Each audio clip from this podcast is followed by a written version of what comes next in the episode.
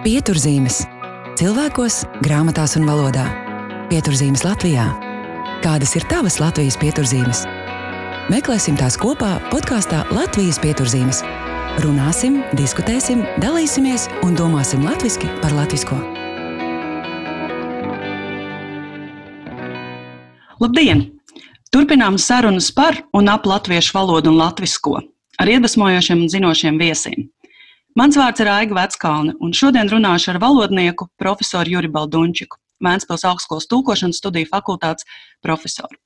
Juris Baldunčiks ir nozīmīgs latviešu terminologs, kontaktlingvists, aizgūmu latviešu valodas un terminoloģijas vēstures pētnieks, vārnīca autors, valodas kultūras un prakses darbinieks. Plašsaziņas līdzekļos var regulāri lasīt viņa komentārus par latviešu valodu. Noteikti kādreiz esi šķirstījis svešvārdu vārnīcu. Arī tās autors ir profesors Baldunčiks. Man ir ļoti veicies, jo ir bijusi izdevība ar profesoru gan piedalīties dažādos valodas kultūras kopšanai veltītos pasākumus, gan arī šobrīd viņa vadībā izstrādāt disertāciju Vēncpils augstskolā. Sveiks, Juri! Sveiki! Paldies, ka piekrīt sarunai un paldies par šo brīnišķīgo iespēju mācīties no tevis. Es pieminēju svešvārdu vārnīcu, un man jāsaka, ka es biju milzu sajūsmā, kad manā īpašumā nonāca šī grāmata. Un arī tagad, elektronisko vārnīcu laikmatā, man tā ir visbiežāk šķirstītā vārnīca un ar vienu stāvu pa rokai. Vienlaikus es zinu, ka daudziem jūg svešvārdi, internacionālismi, aizgūmi, barbarismi. Kā tad īsti ir? Kā, tad, kā ir pareizi saukt ko? No, to tādā vienā minūtē ir ļoti grūti izstāstīt. Ehm, esmu to aprakstījis kādā no svešvārdu vārnīcām 2005. Eh, gadā. Tā tāda drusciņa neliela, mazāka formāta Jumavas vārnīciņa. Un ievadā es tieši šo jautājumu esmu izklāstījis. Nu, visa šī, kā lai saka, neizpratne radās tad, kad 60. gados nu, acīm redzot, politisku iemeslu dēļ šis vārds internacionālisms nu, ieguva it īpaši Latvijā kaut kādu tādu maģisku nozīmi un um, tika atmesti visi līdz, līdz tam brīdim lietotie šie dalījumi aizguvumos un svešvārdos, ar svešvārdiem saprotot tos, kas nav nu, kaut kādā veidā gramatiski, fonētiski, grafiski kaut kādā veidā pielāgojušies latviešu valodai. Un tā internacionālisma mānija, nu, es domāju, pārāk ilgi un pārāk muļķīgi, jo, jo tur beigās jau paši cilvēki vairs nesaprata, kas tas internacionālisms ir. Un vēl tagad, man liekas, internetā var atrast kaut kādus mācību līdzekļus, tādus, eh, kas būtībā radīti ļoti sen, bet nu, reanimēti, ja tā var teikt, kur ir svešvārdi jeb internacionālismi. Nu, tas ir pilnīgi nepareizi, jo internacionālisms tas ir viena kategorija, tad tas ir vārds, kas ir sastopams nu, aptuveni nu, tādā pašā izskatā, zināmā valodas gaitā. Svešvārds tas ir pavisam kaut kas cits. Ja? Tātad svešvārds tas ir vertikālais pētījums, un uh, internacionālisms ir horizontālais pētījums. Šos nevajag jaukt gudri cilvēki to jau pirms ļoti daudziem gadiem ir pateikuši. Nu, es esmu mēģinājis ko iesp... nu, visu iespējamo darīt, lai novērstu šo pārpratumu, bet nu, tas nenāk viegli. Nu, tā. Vai tu vari minēt kādu labu piemēru svešvārdam un internacionālismam, kur mēs uzreiz redzētu, jā, kā, kā, kā ir tā, tajā gadījumā un kā ir tajā gadījumā? Nu, teiksim, nu, tāds personāžs kādreiz kā Artūrs Ozols minēja, cita starpā, ka arī Elle ir internacionālisms. Nu, diemžēl Elle nav internacionālisms, jo ir vesela valodu grupa, kurā nav. Līdz ar to to nevar saukt par internacionālismu. Un, un nu, nu, vispār jau nu, tas pat, nu, tur loģika nedarbojas, ja, jo Internacionālisms ir tad, kad mēs meklējam horizontālā līmenī, cik valodās ir šis vārds. Svešvārds mēs pētām vienā valodā, vienā. Ja? Vai ir adaptējies šis vārds, nu, tā kā mēs to varam saukt, ka tas ir pilnīgi aizgūms. Ja? Un noteikti ir arī kaut kāds starpslānis, par ko var strīdēties. Nu, ir ir aizgūt, ir um, adaptējies tik tālu, jā, vai nav. uh, nu, nu, teiksim, ja viens cilvēks saka rajons un cits saka rajons, tad mēs skaidri redzam, ka otrajā gadījumā šis vārds ir pilnīgi adaptējies praktiski. Ja? Jo, jo ne, ne, cilvēks nerunā ar garo O, kas latviešu valodai neraksturīgs, bet ar O. Nu, tas tāds vienkāršākais piemērs. Varbūt. Jā, esmu dzirdējis arī balkons un balkons. Jā, jā, jā. Arī, jā. jā. Vagons, vagons. Jā. Novembris, starp citu, arī arvien biežāk publiski izskan uh, novembra vietām. nu, jā. jā. Un, uh, nu, piemēram, tad vārds algebra, tas būs internacionālisms. Nu, es domāju, gan, jā, jo cik man zināmās visās lielajās valodu grupās tā tas arī uh -huh, ir. Mēs -huh. varam, protams, jā, jo šeit ir kas, eh, te jau nav, netiek prasīts, lai būtu pilnīga vienādība gan rakstībā, gan izrunā. Ja? Bet nu, tas veidols mm -hmm. Jā. gan drīz vienādam jābūt veidolam. Ja? Tur viens burtiņš vai kaut kāda garumzīmīte var atšķirties. Un par svešvārdiem runājot, esmu arvien, arvien biežāk pamanu, ka mūsdienās ir tāda, tāda tendence lietot jo vairāk, kā ar domu, jo vairāk svešvārdu, jo labāk. Tātad, jo gudrākus vārdus mēs lietojam, jo gudrāk mēs izklausīsimies. Šķiet, ka ir tāds uzskats parādījies. Kā, kā tu domā, vai pārlieku bieža svešvārdu lietošana ir nevēlama vai tā ir traucējoša? Um, nu, ir, jā, nu, tas ir tāds jautājums, kas nav ļoti vienkāršs. Te var būt ļoti dažādi iemesli. Eh, svešvārdu pārliecīga lietošana var būt nu, cilvēka nekulturālība, vienkārši vispārīgā nekulturālība, nezināšana, bet tā var būt arī mode. Cilvēks dzird, ka tur runā, tur to vārdu saka, arī viņš sāk to vārdu lietot, vai viņa. Nu, un tad tas viss aiziet tā. Bet uh, Te princips varētu būt viens, un es domāju, ka mums iepriekšējās paudzes to jau ļoti labi apzinājās un arī pauda valodas lietotājiem. Nekad nevajadzētu labu latviešu vārdu nīdēt un tā vietā lietot citas valodas vārdu.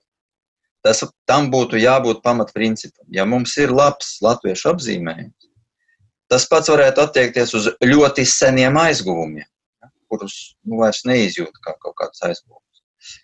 Un, un tos, tos, nu, teiksim, nu, kaut vai eh, tāds pavisam triviāls piemērs. Eh, pēdējo pāris gadu laikā es ļoti reti dzirdu vārdu stingri, jo visi lēmumi, noteikumi, rīkojumi un tam līdzīgi vienmēr ir strikti. Lai, lai cilvēki ieklausās. Nu, tas tāds viens piemērs, bet mēs varam tur tur skatīties. Nu, nerunāsim jau par to, ka uzņēmumi uh, tagad ir biznesi vai kompānijas. Vārda kompānija, cik man zināms, nav likumos, Latvijas likumos, vismaz kas saistās ar ekonomiku. Tā kā šeit ir, nu, jā, nezināšana, modes lieta, nu, ir cilvēki, kas apzināti, nu, pieņemsim, nesaukšu uzvārdus, bet masu mēdījus ieviesa pilnīgi ar skaidru nodomu, apgānot pilnīgi vārdu līdzeklis latviešu valodas. Nu, nu, ko tur lai dara? Ir gadās arī paretam tā, kā ar nodomu to dara. Tad uh, valodas lietotājs to robežu var patiesībā ļoti vienkārši noteikt. Ja latviešu valodā jau ir labs vārds, tad būtu vēlams izmantot šo latviešu valodas cilmes vārdu. Jā. E, nelaime ir tā, ka, nu, it īpaši, nu, ja ņemam jauno paudzi, viņi nemaz tos vārdus nezina. nu, tur tā nelaime vienkārši. Nu, nu, paņemsim kaut vai, kāpēc cilvēks visu laiku saka online, online, ja ir tiešsaiste. Oficiāls termins, kas ir arī dažādos dokumentos oficiāls. Nu, ko tu izdarīsi tam cilvēkam? Nu, neko. Jā, tas nu, vis, visbiežāk ir atkarīgs tiešām no, no paša runātāja. Un, uh, un kā man no savas puses gribētos pateikt tos ieguvumus, kādi ir, ja mēs izmantojam latviešu cilmes vārdus. Tie ieguvumi ir ne tikai, ka mēs attīstām un kopjam savu valodu, bet arī padarām uzt, šā vārda uztveramību daudz vieglāku mūsu klausītājiem un lasītājiem. Jo vienkāršāki vārdi, jo saprotamāki vārdi, jo saziņa būs iedarbīgāka. Tā kā tam ir vairāki iegūmi un, un vairāki plusi, kādēļ izmantot šos vārdus. Man te gribētos pajautāt par otru medaļas pusi svešvārdiem. Bieži sazinoties ar ārzemju latviešiem, jo īpaši tiem, kuru vecāki emigrēja otrā pasaules kara laikā, es dzirdu pārmetumu, ka Latvijā lietojam pārāk daudz svešvārdu, un, un viņiem nepatīk arī tādi tik ļoti ierasti svešvārdi, kā piemēram horizontāls, vertikāls un citi. Kur, kur ir atkal robeža tajā virzienā? Vai nav arī pārspīlēts tas, ka mēs meklējam ikvienam vārdam, ikvienam svešam vārdam aizstājēju latviešu valodā? Nu, jā, nu, visās lietās mēdz būt pārspīlējumi. Pētot mūsu valodas attīstības vēsturi, patiešām var just, ka 30. gadu beigās nu, ir šī e, ārkārtīgā nacionālisma tendence, kas jau pārkāpj kaut kādas nu, saprāta robežas. Un e, es domāju, ka tie cilvēki, nu, tie, kas vēl tajos, kas varbūt skolā gāja un, un, un tieši 38., 9., 40. Uh, nu, viņiem droši vien tas ir tā palicis atmiņā. Nu, protams, tur vēl arī tie mm, vācu okupācijas gadi, kad, kad šis arī nu, tā, tā tendence turpinājās. Bet jā, es esmu, bet te ir vēl viens cits aspekts. Es arī esmu no, no šīs kategorijas cilvēkiem dzirdējis pārmetumus. Nelaime jau ir tā, ka latvieši, nu, pieņemsim ASV kaut vai, ja? nu, tur vislielākais skaits ir, ja? Viņi, viņiem ir ļoti ierobežots eh, šis latviešu, nu ne ļoti, bet tomēr samērā ierobežots eh, lietojuma diapazons. Viņi runā, nu, teiksim, par to, par to, bet par to, par to un par to viņi latviski nerunā. Mums šeit ir jārunā par visu, par jebko. Eh, ap 90. gadu viesojoties ASV arī pie latviešiem, jaunās paaudzes cilvēki man pat teica, ka viņi latviski, nu, labi, teikšu, kā viņi man stāja, viņi teica par seksu. Mēs vispār latviski nezinām, kā tur to visu, kā par to runāt un kā, kā, kādus vārdus lietot. Ja? Nu, tas tā varbūt triviāli, bet tas tikai parāda, nu, ka tur, tur tā latviešu valoda ir bijusi zināmā ierobežojumā tādā funkcionālā diapazonā. Ja. Līdz ar to viņi vienkārši cilvēki nesaprot, ka šeit nu, mums ir par absolūti visu latviešu jārunā, un līdz ar to tas svešvārdu skaits, protams, būs daudz lielāks nekā, nekā tur. Protams. Un uh, interesanti vispār, ka es esmu pētījusi tavu, tavu zinātniskā darba un tādā vēsturi un skatos, ka aizguvumi ir bijis tavs darba lauks jau ilgus gadus, un arī tava disertācija bija par anglicismu aizgūšanu latviešu valodā no 18. līdz 20. gadsimtam. Un interesanti, ka arī šobrīd mēs daudz runājam par anglicismiem. Kas notiek latviešu valodā saistībā ar anglicismiem šobrīd? Nu, nu, notiek apmēram tas, kas notika 70. un 80. gados krievu valodas ietekmē. Pat labam ir tāds, kā lai to pasaka, koda pārslēgšanās notikusi. Cilvēki vairs um, neveido savus latviešu tekstus, bet um, lielākoties, bet veido šo atspulgu no angļu valodas. Nu, un tā kā dzīves ritms ir ātrs, vārnīcās nav laika skatīties. Daudz cilvēku nemaz nezina, ka tādas vārnīcas ir un, un kur tās ir, un, un, un, vai, vai tās ir labas, sliktas vai kādas. Ja?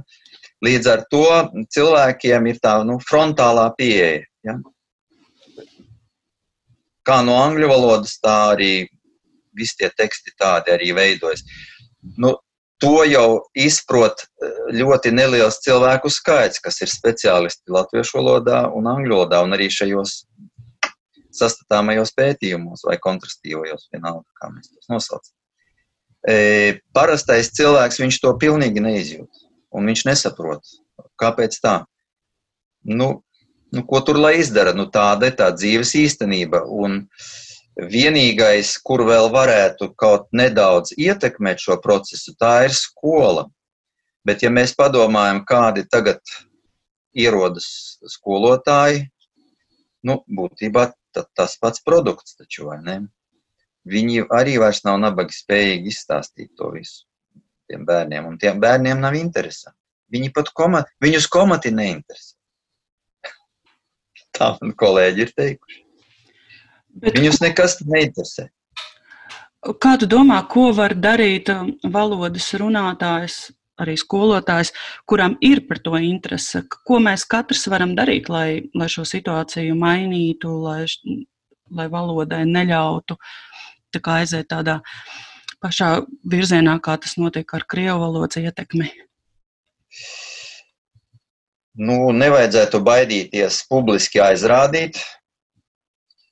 Vajadzētu tomēr, nu, lai cik tas varbūt nu, tas var teikt pat apkaunojoši bija, ka e, katru trešdienu laikrakstā, nu, sākumā tā bija padomi jaunatne, pēc tam Latvijas jaunatne, katru trešdienu bija rakstīns par kaut kādu valodas problēmu. Nu, paretam gadījās arī matu skaldīšana, bet lielāko tiesu tur bija ļoti, un cilvēkiem bija liela interese. Katru trešdienu speciāli cilvēki skatījās un pārunāja, ja? un citreiz pat strīdējās par to, kas tur izteikts. Ja? Šobrīd es neredzu vispār kaut ko tādu. Vispār. Mūsu tie zinātniskie raksti, tie ir, nu, vispār kaut kā jocīgi. Tajos, um, tajos laikos, ko mēs nesaucām par informatīvo to, um, nu, gadsimtu eiro vai vienalga, ja? mēs kaut kā visi zinājām, kas, kas un kā, ja? Bet um, šodien neskatoties ne uz ko, cilvēki tomēr daudz ko nezina. Un arī tās intereses ir kaut kādas īpatnējas. Nu, mēs esam tādā šaurumā aizgājuši, tomēr, šaurumā. Kaut kādas blakus jomas cilvēkus neinteresē vairs. Ja?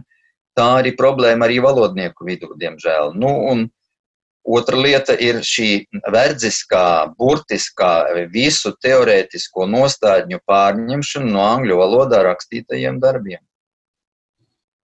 Tie cilvēki ir rakstījuši domājot par angļu valodu, bet angļu valoda ļoti, ļoti atšķiras no latviešu valodas, nu, vai otrādi - latviešu valoda atšķiras no angļu valodas. Nu, tas ir vienkārši cilvēks ar augstāko izglītību man saka, kā tam vārdam taču ir tāda nozīme. Es saku, nu nav tam vārdam tādas nozīmes. Viņš saka, nu šeit paskaties, un atver Oksfordas vārnīcu angļu valodā.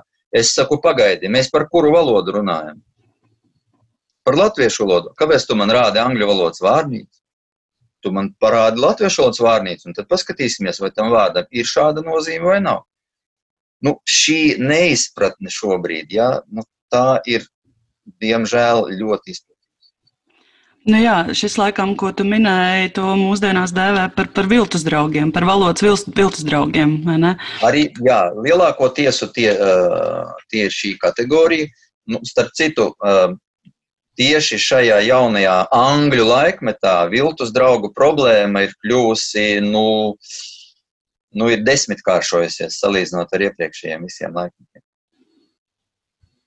Jā, tādi, tādi tipiski viltus draugi ir arī šī aktivitātes, vai ne jau tevis, tevis minētais bizness, arī ekscelence, kas mūsdienās arvien biežāk mēs dzirdām dažādos, dzirdam dažādos avotos. Nu, ekscelence ir vēl viens piemērs tam, par ko mēs jau runājām. Ir latviešu vārds izcilība. Paldies Dievam, ka NATO savu to institūciju šeit Rīgā ir nosaukusi par izcilības. Ja? Vismaz viens piemērs kaut kāds labs. Bet, bet redz, tie cilvēciņi, ir pārņemti vienkārši ar šo, ar šo ekscelenci. Ja? Nu, kādā sanāksmē pirms dažiem gadiem kundze, nu, kas nav, nebija valodniece, bet tomēr ar augstāku izglītību. Viņa teica, nu kā, mums vienkārši jāpārņem no angļu vārda biznesa visas nozīmes, jā, jāieliek vārdā biznesa latviešu valodā, un tad nebūs problēma. Es teicu, nu, kā tad ja es jums parādīšu 300 savienojumus ar biznesu, ja, kur mēs lietojam pavisam ne biznesu, bet kaut ko citu, kā jūs uz to rēģēsiet? Viņai nebija ko teikt, ja, jo viņa pat par to nebija padomājusi. Jā, tas ir ļoti labi, ko, ko saka. Ko saka. Man liekas, ka valodas runātājiem pirmais, ar ko jāsāk, ir šī padomāšana, šī iedziļināšanās.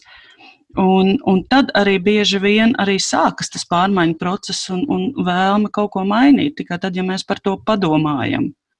Un mēs par tik daudzām citām lietām domājam, vai ne par apģērbu, kā mēs izskatāmies un tā tālāk. Bet bieži vien aizmirstam, ka jāpadomā arī par to, ko mēs sakām un kā mēs sakām. Nu, jā, nu, iedomāsimies, ka no ļoti dārga automobīļa izkāpa cilvēks dārgās, dārgā apģērbā. Nu, safrizēts, sakopts, un tagad viņš sāk runāt, un tad mēs redzam, nu, ka tā runa, diemžēl, neatbilst visam pārējiem. Ja? Tad tā runa jau parāda, kas viņš reāli ir.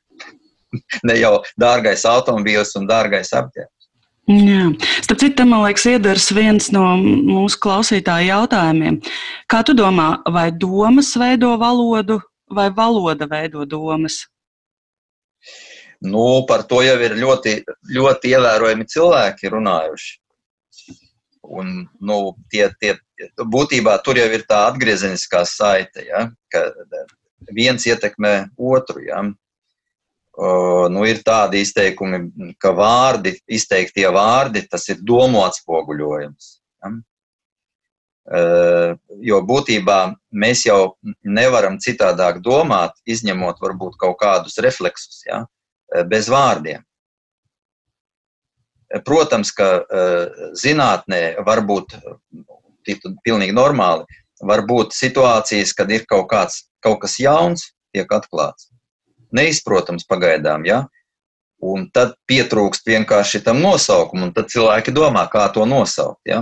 Nu, teiksim, vēl līdz 20. gadsimta vidum zinātnieki, tur ķīmiķi un, un fiziķi pamatā izmantoja grieķu vai latīņu elementus. Nu, pēc tam jau, kad tā izglītība mainījās angliski runājušās valstīs, viņi tur ļoti reti vairs izmanto to. Viņi kaut kādus tādus jocīgus angļu vārdus sākuši izmantot. Un uh, pilnīgi tā kā sasviluši uz metaforām. Ja? Nu, nu, uznākusi ir metaforu mode vienkārši. Un cilvēki pilnīgi, nu, citreiz paskaties arī valodniekus. Nu, viņš runā par metaforām, bet viņš pat neaptver, ka tās nav latviešu valodas metafors. Tās visas, absolūti visas, ko viņš tur analizē, it kā, tās visas ir aizgūtas no angļu valodas. Un tā ir būtībā, zināmā, nu, tāda be, kā bezjēdzība. Vai pie tiem pašiem viltus, eh, piedošanu, eh, tulkotāju viltus draugiem. Ja? Eh, pirms gadiem četriem bija arī kādā mūsu vietējā lielajā konferencē referāts par jaunu nozīmi, kādas jaunas nozīmes parādījušās kādu, kādos vārdos. Nu, no tiem desmit vai cik vārdiem tikai viens bija īstais latviešu vārds, nevis latviešu vārds, bet kur latviešu valodas šajā vidē šī nozīme bija izveidojusies. Visi pārējie bija burtiski pārņēmumi no angļu valodas. Nu, diemžēl manu, manā kritikā neieklausījās, un tas raksts tur tā arī aizgāja. Nu, man ļoti žēl, protams. Varbūt mēs varam vēlreiz runājot par šiem nevēlamajiem pārcēlumiem no angļu, no angļu valodas un viltus draugiem, atgriezties pie tā, lai izskaidrotu klausītājiem, Kā tad zināt, kurš vārds latviešu valodā iedaras un kurš neiedaras? Un vai ir pamats mūsdienās izmantot šo vārdu barbarisms? Nu, sākšu ar pēdējo. Nu, es esmu pret barbarismu, jo es redzu, ka tas ir bijis zināmā laikmetā, un tad tas vārds patiešām daudz maz bija tāds saprotams, Nu, šajā mūsu laikmetā, es domāju, ar to vairs nu, nav iespējams rīkoties, jo, jo ir mainījusies situācija. Es domāju, ka tas vienkārši ir atmetams. Nu, lai, lai, nu, lai neradītu kaut kāds pārpratums. Jo vienam cilvēkam tas ir barbarisms, citam nav barbarisms, trešais vispār ir vienaldzīgs pret visu. Tā kā es domāju, tas, bet galvenais, jau es to nosaucu, es domāju, galvenais kritērijs, ja ir kaut kam latviešu nosaukums, parādībai, lietai, vienalga, tad labāk lietot latviešu. Protams, mēs zinām, ka ir, ir valodas apakšsistēmas, mikrosistēmas, kur eksistē abi. Nu, paņemsim kaut vai mūsu valodniecību? Īpašības vārds un adjektīvs. Bet nu, ir kaut kāda vienošanās tomēr panākt, tāda nerakstīta, ka nu, līdz vidusskolas līmenī mēs cenšamies izmantot tomēr latviskos nosaukumus, nu, un tad tajos jau, jau augstākajos līmeņos, ja, nu, tad mēs arī varam to adjektīvu, teiksim, izmantot. Nu, es, ne, es domāju, adjektīvs tikai kā piemērs, tikpat labi tie varētu būt substantīvi verbi un tā tālāk. Un, nu, droši vien, ka kaut ko līdzīgu mēs arī citur varam, bet šis varbūt ir vissaprotamākais. Mm -hmm piemērs. Bet kā ir ar jauniem vārdiem? Redz, ar jauniem vārdiem ir, protams, netik vienkārši. Un te ir arī um, nu, visa šī uh, aizgūšanas, vārdu aizgūšanas vēsture rāda, jo svarīgi ir ne jau tos vārdus reģistrēt, kas ir aizgūti, bet reģistrēt procesu tur atklājas viss interesantākais un arī valodniecībā vajadzīgais. Ļoti daudz kas atkarīgs no tā cilvēka, kas šo nelatvisko vārdu pirmais kaut kādā veidā, nu, vismaz viņam ir tas jēdziens, kas ir jāpasaka vai nu ar to svešo vārdu, vai kaut kādu jāizdomās savu. Vai arī kompromisa variants, varbūt kaut kādu aprakstošu vārdu, nu, divi, trīs, citreiz četri vārdi. Ja? Um, pieredze rāda, ka viena daļa no šiem aizgūmiem, ko nav spējis tas pirmais, otrais un pat trešais varbūt lietotājs kaut kādā veidā nu, atrast kaut ko veiksmīgu latviešu valodā, tas var notikt arī vēlāk. E, mums ir pietiekami daudz piemēru, kad vairākus pat gadu desmitus lietojuši kaut kādu svešvārdu, un pēc tam nācis kaut kāds ļoti labs uh, latviskojums, ja? latviešu variants, un tas ir aizgājis. Citreiz ir tā, ka viņi cīnās, ja? Vieni, vieni, vieniem, vieni dod priekšroku latvies, latviskajiem, citi dod priekšroku nelatviskajiem.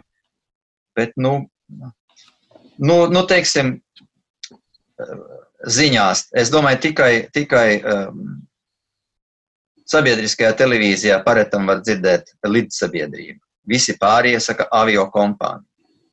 No avio kompānija ir tīrākais aizgums no krievalodas. Tīrākais. Nu, kāpēc negrib lietot līdzsabiedrība? Vai tur ir kaut kāda psiholoģiskas barjeras vai kas? Nu, tas pat nav anglicisms. Ja? Tas ir tīrākais rusicisms avio kompānija. Um, par šo runājot, es nesen lasīju arī Ditas Liepas uh, komentāru par to, ka dažkārt angļu vārds paliek un uzvar, jo neko labāku, īsāku un kodolīgāku nevar atrast. Un viņa kā piemēra minēja šajā intervijā vārdu smūtīs, ko kāds pārtiks speciālists ir piedāvājis kā vārdu plūsnis, bet viņas prāt tomēr nu, paliekam pie šā smūtija, kas, kas būtu pieņemamāks. Jā, nu te tas jautājums samērā nu, es domāju, ne tik vienkārši. Jo nu, tas latviskais eh, kaut kā tīri semantiski nešķiet tāds. Viņš tur robežojas, tas vārds robežojas arī ar, ar, ar, ar citiem līdzīgiem vārdiem, kas ir kaut kas tomēr stipri, stipri atšķirīgs. Dzērienu, dzērienu tajā visā, nu, kas mums ir eh, dažādu sarakstā, es domāju, aizgūmu ir pietiekami daudz. Nu, sāksim kaut vai ar kokteili, kas arī nu, ļoti sen jau ir un, un, un, un diezgan daudz visādi citu aizguvumu dažādiem dzērieniem. Vai, Nu, smūtīs galu galā nu, tas nav tik ļoti arī. Tas nav tik ļoti nu, smūtīs. Um, nu, ir tādi vārdi no angļu valodas, kas nu, neizceļas, uh, neizceļas ar kaut kādu tādu nu, acīs krītošu vai ausīs krītošu uh, tādu sveš, svešādumu. Ja? Nu, droši vien vismīļākais, um, vismīļākais angļu vārds bija kādreiz um, nu, bērnu un jauniešu organizācijas sieviešu meiteņu nosaukums Gaida. Tur, tur laikam nevarēja neko, neko iebilst, jā, jo tik labi skanošs vārds. Bet, protams, ka, ja, vārd, ja vārdam ir kaut kādi tādi latviešu valodai ļoti neraksturīgi momenti, nu, nu tādi elementi, tad, eh, nu, protams, ka nu, valoda jau tas nedēļo. Nu, tad droši vien ir vietā pieminēt klasisko piemēru, ko min ļoti bieži. Tas ir šis brands, ko, ko, ar, ko ieteica aizstāt ar zīmolu, kur var redzēt, kā viens neiedaras un neskan, un kā otrs ir skanīgs un iederīgs, un no kura var veidot atvasinājumus. Nu, jā, pie tam zīmolam jau ir ļoti īpatnēja vēsture. Tas jau ir tas jau ir trešo reizi, tas ir trešais mēģinājums šo vārdu izmantot. Kā tad bija iepriekšējie divi? Nu, eh, šo vārdu piedāvāja vispirms Atis Kronvalds. Gleznas nozīmē, jo to laiku nebija tāda vārda glezna vēl. E, nu, diemžēl nu, viņa draugi viņam gribēja tur iepalīdzēt un arī lietoja, bet neieviesās. Un tad Enzelīns tulkojot, neatceros vairs, kurš tas bija darbs no latīņu valodas, arī izmantoja zīmolu kā tādu uh, nu, tāda īpatnēja zīme, ja? tāds kā, nu, neteiksim, plakāts, bet nu, kaut kas tāds. Ja? Nu, tas, protams, tā arī palika tajā tikai tulkojumā. Nu, un šī ir, tā sakot, trešā reize. un izskatās, ka trešo reizi viss ir izdevies ļoti sekmīgi. Jā, lai gan Lai gan ir izglītoti cilvēki, kuri man acīs teikuši, ka viņiem ir ievjoties tas vārds, ja, ka viņš labāk lieto brendus. Nu, tas ir arī gaumes un nu, tās iekšējās kultūras jautājums, manuprāt. Izmantošu iespēju, ka runāju ar tevi un pajautāšu par kādu terminu, par kādu vārdu, un lai uzzinātu, uzzinātu tavu viedokli. Tā proti, tas, ko mēs šobrīd darām. Angļu valodā to sauc par podkāstu, Un arī latviešu valodā šo vārdu bieži lieto. Tā etimoloģija ir saistīta ar savulaik Apple ieviesto mūzikas klausīšanās ieradzi iPod un kā broadcasting. Tad iznāca pod un kast. O, latviešu valodā, ja mēs skatāmies, piemēram, termini GoLV, tad šim angļu vārdam ir vairāki latviskojumi piedāvāti. Podraide, ko daži izrunā kā podraidi, podraidījums, aplāde, aplādes datne un tā tālāk. Ko tu ieteiktu? Jo man neviens no tiem īsti arī nešķiet, nešķiet pieņemams, un bieži vien arī klausītājiem šķiet, ka, ka podraidi ir no vārda pots, jo viņi to etimoloģiju nesaredz. Tādēļ daudzi izmanto šo vārdu podkāsts. Ko tu ieteiktu? Nu, tas arī ir samērā tāds Eh, sarežģīts jautājums, jo, eh, kā es sākumā teicu, mums tā sabiedrība, diemžēl, eh, kļūsi ļoti neviendabīga. Līdz ar to kaut kādai vienai sabiedrības daļai, un es nemaz nekad neapgalvotu, ka lielākajai, bet nu, kaut kādai daļai ir pieņemams kaut kas, un atkal citai daļai vai daļām tas nav pieņemams. Ja? Nu, ar to kaut kā ir jārēķinās. Eh, nu, kādreiz vēl tie visi vecie terminoloģijas komisijas gājieni šobrīd vairs tā nedarbojas, jo tad tas bija tā, ka mēs nolēmām, un viss tas ir oficiāli, ja, un visiem jālieto. Ja. Un kas nelieto, tie pārkārt kaut ko.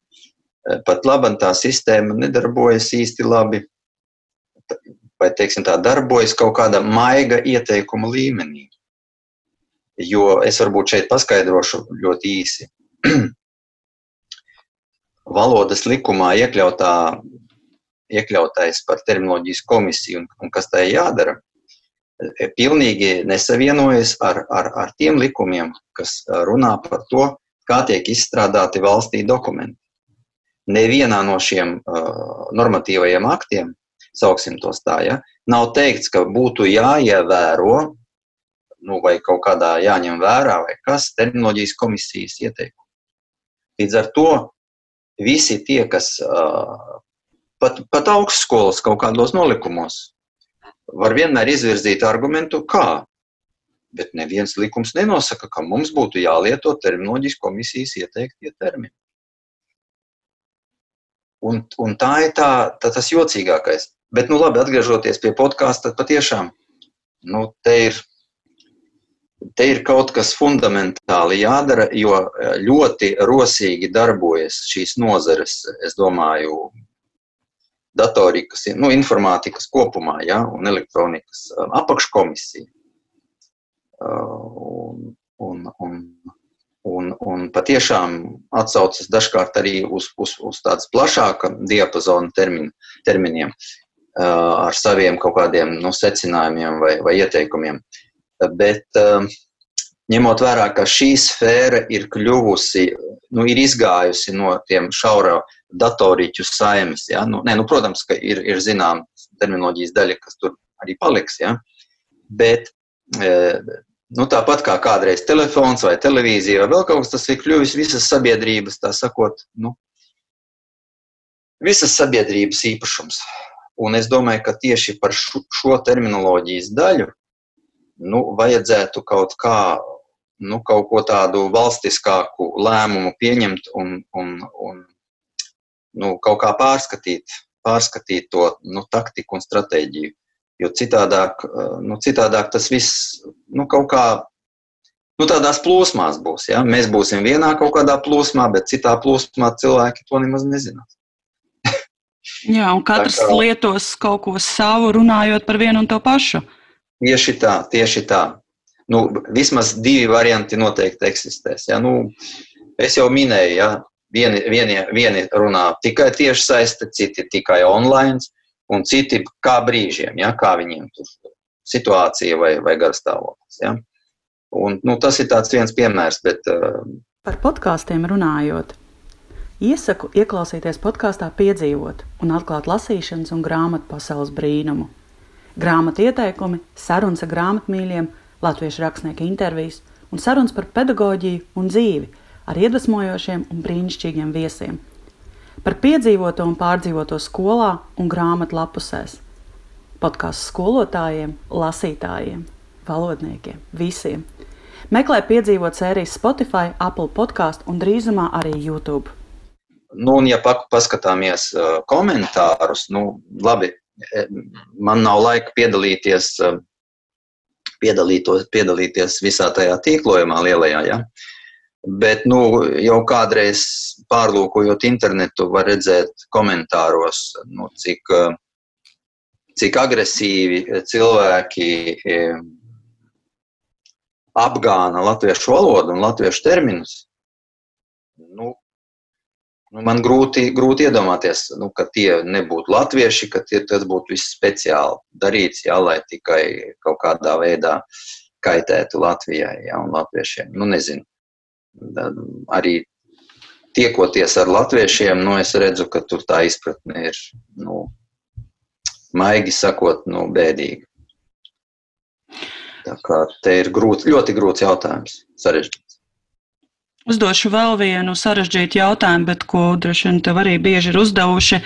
Kā, kā tavuprāt, vispār ir uh, prognoze par latviešu valodu? Kāda tā būs nākotnē? Kas ar to notiks nākotnē? Nu, valodu runā cilvēki. Visu izšķirs cilvēki.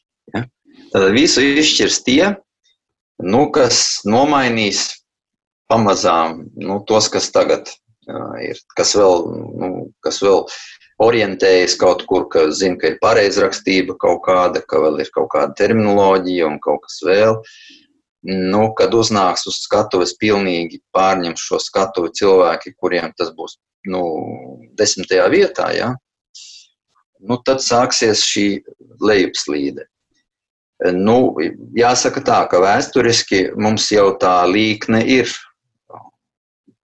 Mēs vērojam līknes, ja, tad sinusoīda mums kaut kāda ir.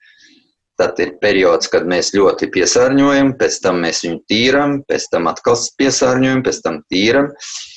Nu, tagad ir jautājums, vai tad, tagad, kad, kad ir sācies šis nu, neapšaubām sācies piesārņošanas, šis, šī, šī līkne, ja uz leju, kas iet, nu, vai kaut kādā vienā brīdī tur parādīsies uh, Juris Alunāns vai Atis Kronvalds, nu, kaut kādā 21. gadsimta vidū vai kaut kad, ja, kad jau būs ļoti bēdīgs stāvoklis. Nu, man ir kaut kā šaubas, ja, nu, nu, citi laiki citi laiki, un, un visa tā nacionālā lieta tiek, tiek nīdēta, ne, nu tā iznīdējas arī daļai dabiski, bet to arī mākslīgi nīdē, ja. Nu, Līdz ar to, ja cilvēks nav, ne, nu, viņš nav ne tas, ne tas, viņš ir tikai etniskais kaut kas. Nu, tagad, jā, starp citu, nu, no latviešu valodas viedokļa tas ir, tās ir absolūtās muļķības, ko cilvēki tagad runā. Ka tie ir etniskie latvieši, etniskie krievi, kādi viņi vēl var būt. Nu, ja viņš ir krievs, tad viņš ir krievs. Ja viņš ir amerikānis, viņš ir amerikānis, latvietis, latvietis. Kāpēc jāliek klāt etniskais? Tas ir tāpēc, ka angļu valodā viņiem jau vairs nav šīs izpratnes kā mums. Mums atver jebkuru vārnīcu. Gruzīns, tas un tas, tas un tas. Tur nav rakstīts, ka etniski kaut kas, ja? bet viņiem tas vairs neeksistē. Viņiem ir tikai nu, pilsonība. Viņiem ir tikai pilsonība. Viss. Paņemsim uh, Bosnijas uh, iedzīvotāju, kas ir uh, aizgājis spēlēt futbolu uz vienu valsti, viņš kļūst par to tas, pēc tam viņš aizbrauc uz Zviedriju, viņš jau ir zviedrs, viņš ir zviedrs. Nu, ja mēs arī tā turpināsim, tad jau, nezinu, man diezgan bezcerīgi šķiet viss tā lieta 21. gadsimta. Nu, jācer, ka tāds Juris Alanāns un Kronvalda Atis tomēr parādīsies tajā gadsimta vidū. Citādi tiešām tas tā. Mums ir vēl jautājums no klausītājiem par šo tēmu, un jautājums ir šāds. Vai jūsuprāt, tuvāko simts gadu laikā izzudīs rakstība ar roku, vai tā izzudīs dabiski?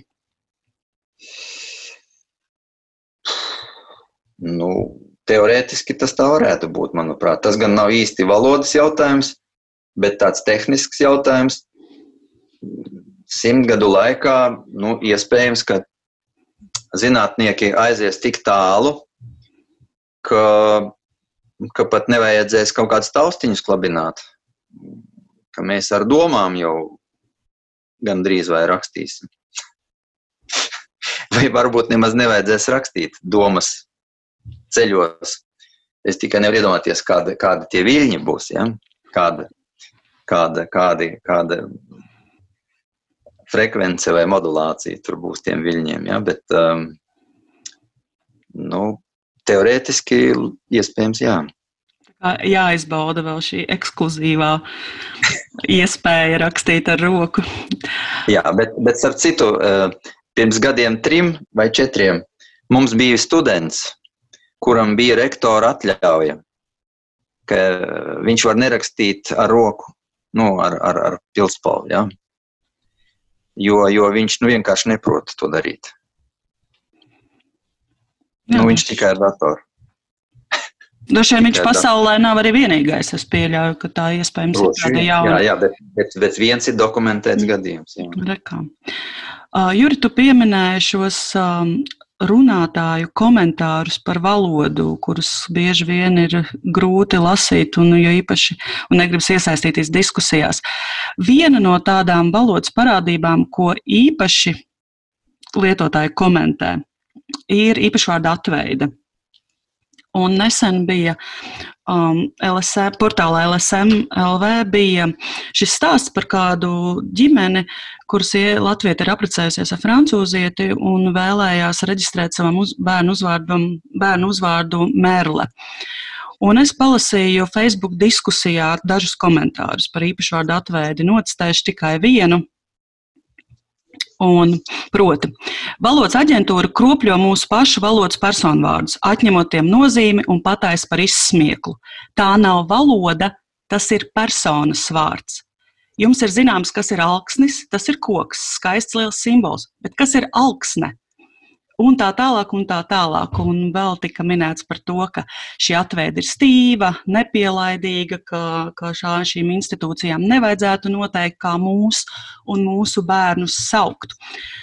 Un šis atveids jautājums kļūst ar vien aktuālāks, jo pasaule ir brīva, globāla, ir šī brīvā pārvietošanās, uzvārdi tiek mainīti un tā tālāk. Ko tu par to domā? Kas tev ir sakāms par šo jautājumu mūsdienās? Nu, es jau diezgan jau pasen izteicos par to, ka nu, šis varētu būt pirmais caurums latviešu valodā. Jo nu, cilvēkiem, nu, te atkal atgriežamies pie tā, ka nu, cilvēkiem nav, nav saprašanas eh, absolūtās, kas ir latviešu valoda. Un te vajadzētu jau skolā cilvēkiem nu, tā, sakot, tā iestāstīt, lai viņi to saprotu, ka mēs esam viena no ļoti, ļoti nedaudzajām valodām, kas ir pilnīgi eh, nu, gramatizēta. Tas nozīmē, ka Tas nozīmē, ka lietvārdam arī, eh, un lietvārdi šeit ir tas būtiskākais moments, ja, ka lietvārdam arī nominatīvā ir galot. Nominatīvā ir galot. Ar to ir jāsāk. Līdz ar to tātad viss pārējais zaudē jebkādus, jeb, visi argumenti zaudē jebkādu jēgu. Nevar būt latviešu valodā neviena lietvārda, nu, izņemot kaut kāds zināms skaits nelokāmo saucamo. Ja? Bet nu, tie ir ļoti specifiski. Ja? Un, un uzvārdos jau ar mums ir nelokāmies, starp citu. Ja? Uh, bet uh, tā, tas ir viens. Ja? Tas ir, nu, tas ir nemaināms likums. Ja? Mēs nevaram uh, mainīt savu gramatiku. Ja? Uh, un otrām kārtām uh, ir nu, šī te. Uh, nu, tas, ka mums ar locījumiem mēs izsakām sintaktiskās nu, šīs funkcijas. Mums nav kā angļu valodā, ja, kur ir, kur ir at, to, for un tā tālāk. Ja, kas ir, kas ir aiz, nu, locījumu sistēmas aizvietotāji. Ja. Jo citādāk, ja mēs to aizmirsīsim, šos divus faktorus, ja, nu tad tā valoda jau kļūst, tad tā būs valoda valodā. Par to nav nekādu šaubu. Visi šie cilvēki, viņi neredz tālāk par savu degumu galu un spriedelē par to, ko viņi galīgi nesaprot. Jo, nu, ja viņu pašu, tad pieņemsim, uh, tas, teiksim, ja viņš ir Jānis Alksnis, ja, nu, ja viņam atņem uh, nominatīva uh, šo te izteiksmi, kas viņš ir? Viņš ir Alksni, ja, Jānī, viņš ir tad, ja. Nu, tas, ir, nu, tas ir vienkārši nu, kaut, kāda, kaut kāda tāda, es pat ne, nezinu, kā to nosaukt. Ja. Nu, tā ir cilvēku nu, pilnīga kaut kāda dzīvošana, atrauti no realitātes. Nu, viņi nesaprot galīgi. Nu, laikam ir jāvaino mūsu izglītības sistēma. Ko tikai mēs tiem bērniem nemācām? nu, brīžiem nu, lietas, kuras vispār varbūt dzīvē nebūs vajadzīgas. Bet šos vissvarīgāko, ka latviešu valoda ir tāda un tāda, ja, un tur nedrīkst neko mainīt, ja, stīva, nu ko tad mēs, nu, nu jāprecēsies ar ķīnieti. Nu, skaidrs, ka hieroglifus taču laikam nē, bet ko tad lietos? Arī aizstājēji. No angļu valodā viņi taču nelieto hieroglifus ķīniešu. Viņi aizstāja Un kas tad tas ir? Tas ir tas pats, kā mēs to darām, tikai mēs to darām nu, plašākā apjomā. Bet princips jau tas pats. Un cilvēki nu, galīgi to negrib saprast, nesaprot. Nu, nu, nu, ko, tur, ko tur var darīt? Nu, es, es vēl paļaujos uz izglītības sistēmu kaut kādā veidā, bet nu, tas cerības arī ir tā tādas. Nu, tā. Te gan arī jāmin vēl šis psiholoģiskais aspekts, ko arī Snora Kirkonens Svensons raksta šajā Dāņu, Norvēģu īpašvārdu atveidas grāmatā par to, ka, mums, ka mēs ļoti jūtīgi un tā sāsināti uztveram to, kā tiek pierakstīti mūsu vārdi un uzvārdi. Un kā tu redzēji šajā komentārā, arī šis komentētājs teica, tā nav valoda, tas ir mans vārds. Nu, te ir atkal, protams, nu, citu valstu propaganda mums. Nu, nu, ko tur lai dara? Nu, diemžēl, diemžēl nu, tā tas ir. Diemžēl tā tas ir. Uh, kā lai tur, ko tur lai saka? Nu, jebkurš, jebkurš arī, arī īpašvārds. Nu, nu, bet, nu, kas ir, nu, kāpēc personvārds? Personvārds ietilpst īpašvārdu kategorijā. Nu, līdz ar to, tad, ko, nu, arī, arī citus īpašvārdus mēs kā gribam tā lietojam. Ja? Jā, tie ir nu, tik svarīgi ir... padomāt un paskatīties plašāk uz to, kā arī mūsu personvārds ietilpst valodas sistēmā, lai kā arī Jā. mums liktos, cik tas ir unikāls un tikai mums piederošs. Nu, ja, nu, nu paņi, iedomāsimies, ka mēs tagad um, teikumos par, par teātru vēsturi Šekspīru rakstīsim nevis tā, kā mēs to rakstām, ja, bet rakstīsim oriģinālā nu, varbūt vienā teikumā vēl varēs saprast, kāda tur tā jēga, bet būs teikumi, kuros vairs nevarēs saprast, kur, kas tas, kādā sakarā tas Šekspīrs tur ir. Ja? Nu, nu, cilvēkiem es saku, šie divi galvenie iemesli, ja, ka mums ir pilnīga gramatika, pilnīga gramatika mums. Ja? Ir valodas, kurās ir locījumi, bet viņiem nav īpaša eh, nu, nominatīva locījuma. Un otrs ir tas, ka mums ir šī eh, sintaktiskās funkcijas. Ja? Locījumiem ir sintaktiskās funkcijas. Un, un ko tad šie cilvēki domā, ka ja viņi ir starp citu tāds arī viens ieteikums, ka raksta oriģinālā un tad liek apostrofiņus un tad šīs mūsu locījumu nu, galotnes. Ja? Nu, es, es uzskatu, ka tas ir daudz kroplīgāk. Daudz kroplīgāk. Un tas arī sagādās runātājiem problēmas, ja tā nebūs angļu vai cita viņam saprotama valoda. Jo, ja tas būs kāds sarežģīts uzvārds franču valodā, vai visi zinās, kā to izrunāt? Nu, bez šaubām, bez šaubām. Nu, nu, es varu nosaukt piemēru, ka pat kādreiz, nu, pirms padaudziem gadiem, ziņās tika nosaukts angļu valodā, protams, ja, tika nosaukts angļu futbolists. Un pēc tam nākamais diktors izlaboja. Ja, viņš teica, nē, nē, viņa, viņu, viņa uzvārdu izrunā nevis tā, bet tā. tā kā pat tur jau var būt kaut kādas problēmas. Es jau, es jau tajā rādio intervijā arī norādīju, kā mums gāja kādreiz ar, ar prezidentu Reiganu tad, kad viņš vēl nebija prezidents, bet tikai kandidāts, tad viņš bija Rīgans. Un skatoties uz to, kā viņam tie burtiņi tur tajā uzvārdā ir angļu valodā, tā arī normāli vajadzētu būt. Bet redz, Amerikā dažkārt viņi to izrunu paši izvēlas kaut kādu, ja, īpaši tā. Un, ja tu to nezini, tad, nu, tad, tad, tad ir, tad ir, nu, kā lai saka, ziepes, ja. Jā.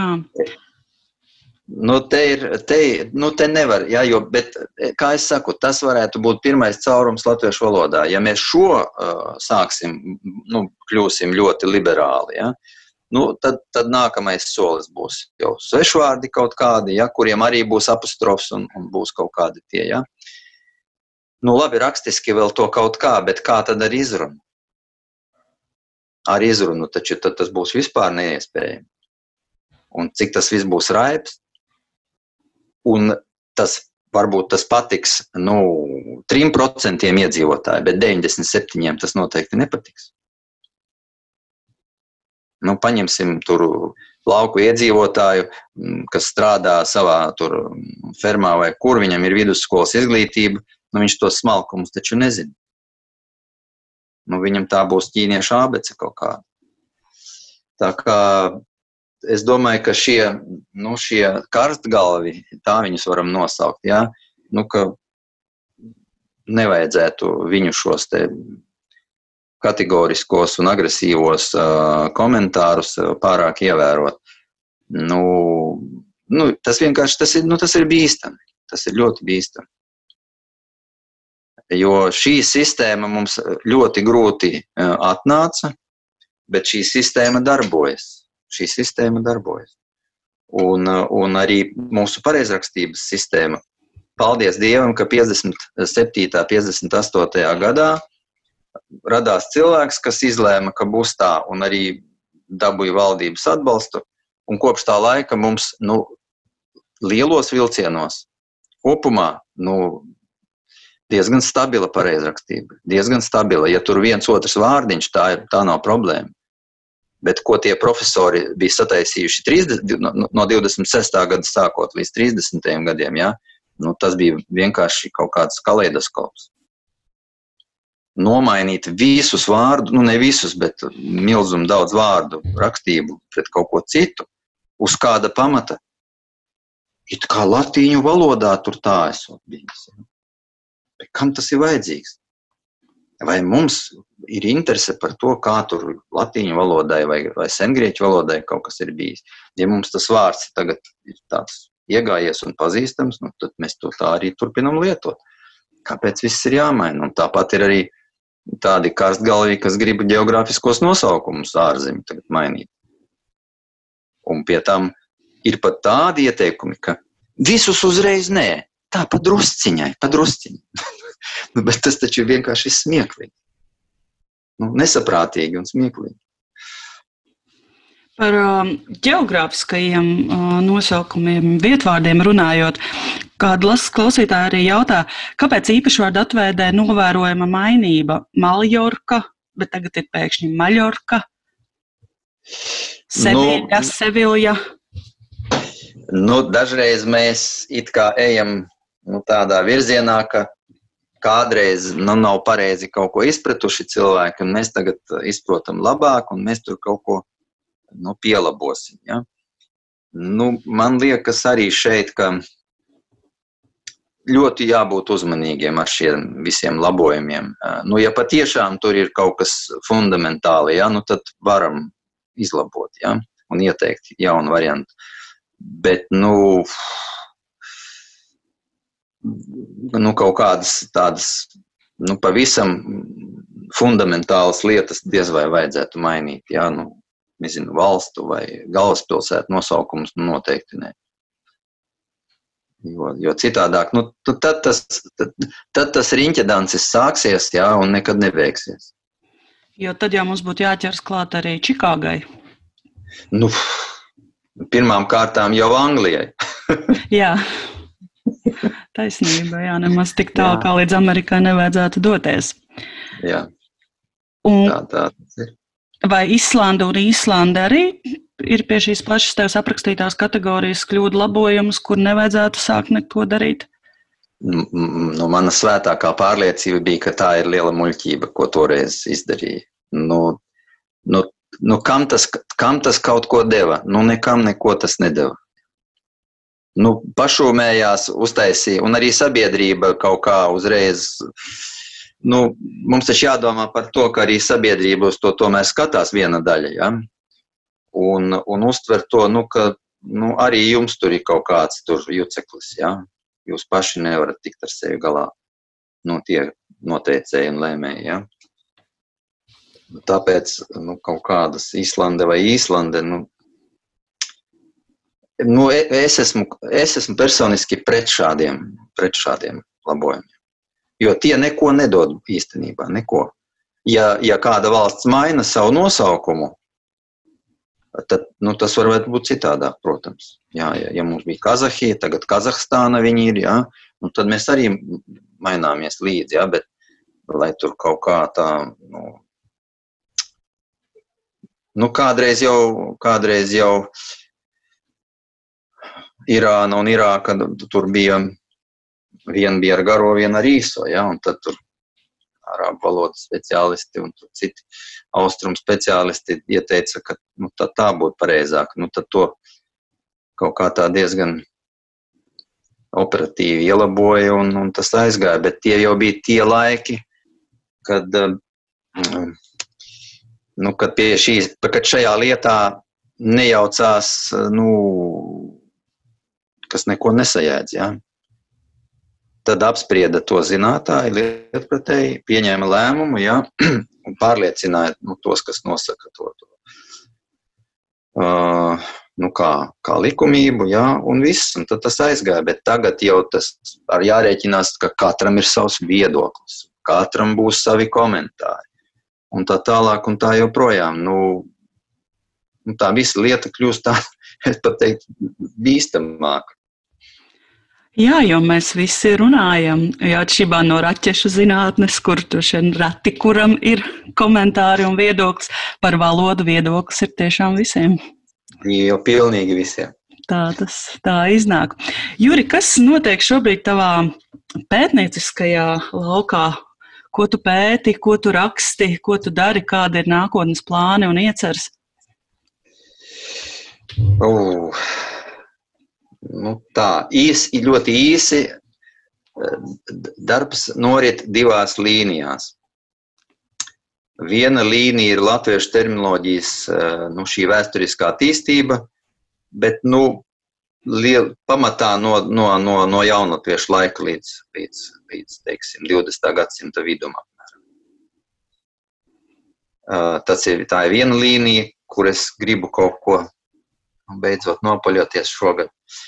Nu, un otra, nu, tā, tā izskatās tāda nebeidzamā līnija, tā ir aizgūmi latviešu valodā.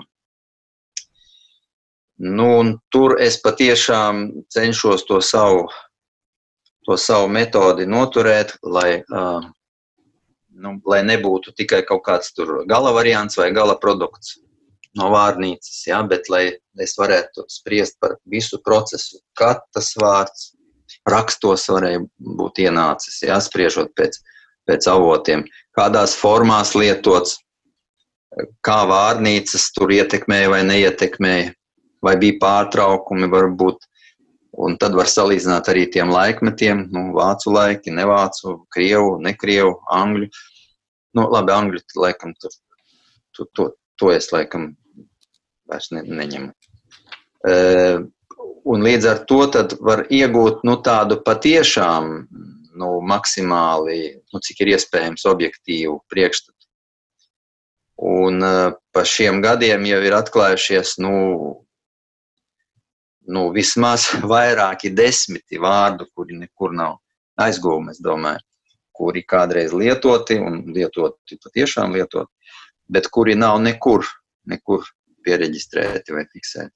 Tu vari kādu piemēru nosaukt? Nu, nu, viens piemērs, kas sasaucas ar mūsdienām, un tas ir banners jau 19. gadsimta. Rekā. Nu, protams, ne jau tieši tādā nozīmē, ja, bet kā tāds īpašs plakāta veids, ja tāds. Nu, uh, tika lietots, uh, nu, es negribētu teikt, ka ļoti ilgi, bet tomēr zināmu laiku lietoja. Nu, nu, tur visādi, nu, es domāju, mums ļoti daudz vēl ir uh, vārnīcās un enciklopēdijās neparādās tur dažādu audumu nosaukumi, dažādu minerālu nosaukumi. Nu, varbūt speciālās grāmatās vienkārši, kas ir domāts speciālisti. Uh, nu, tur visādas dēļas. Es nemaz nerunāju par sarunvalodu un slengu. Nu, slengu arī es pētu, bet tas kaut kā man ir trešajā plānā. Tagad uh, tur es koncentrējos uz visu, kas saistīts ar dzeršanu.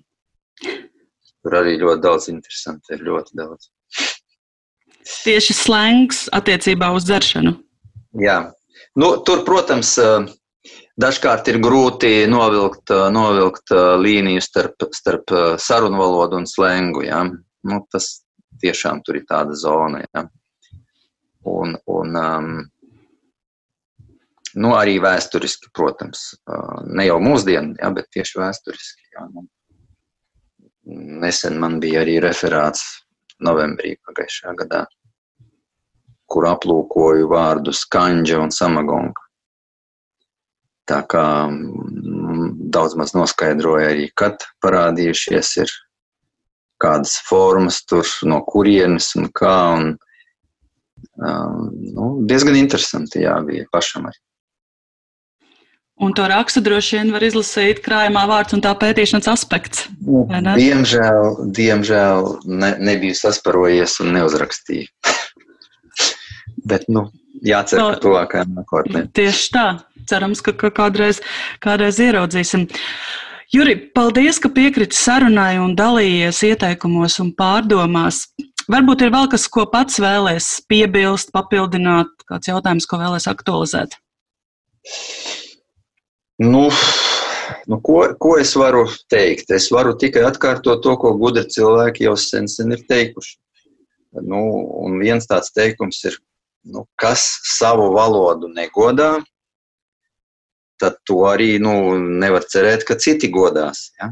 Līdz ar to, ja cilvēki apgāna paši savu valodu un, un, un tos, kas to, ar to valodu darbojas, nu, tad es nezinu, tad lielas cerības jau nevar lolot par nākotni. Nu, tā. Tā kā godājiet savu valodu. Tieši tā. Es, es tieši tā gribētu teikt. Jā. Šodien runājām ar valodnieku profesoru Juru Baldunčiku. Uzzinājām nodrīgs ieteikumus, iedziļinājāmies īpašvārdu atveidē un padiskutējām par valodas attīstības tendencēm. Raidījuma piezīmēs atradīsiet īsu pārskatu par šodienas sarunu, kā arī nodrīgu informāciju un saites. Paldies, ka klausījāties un uz tikšanos nākamajās pieturzīmēs. Papildu informāciju par pieturzīmēm, valodu lekciju piedāvājumu un nākamajiem raidījumiem meklē mūsu Facebook lapā Pieturzīmes.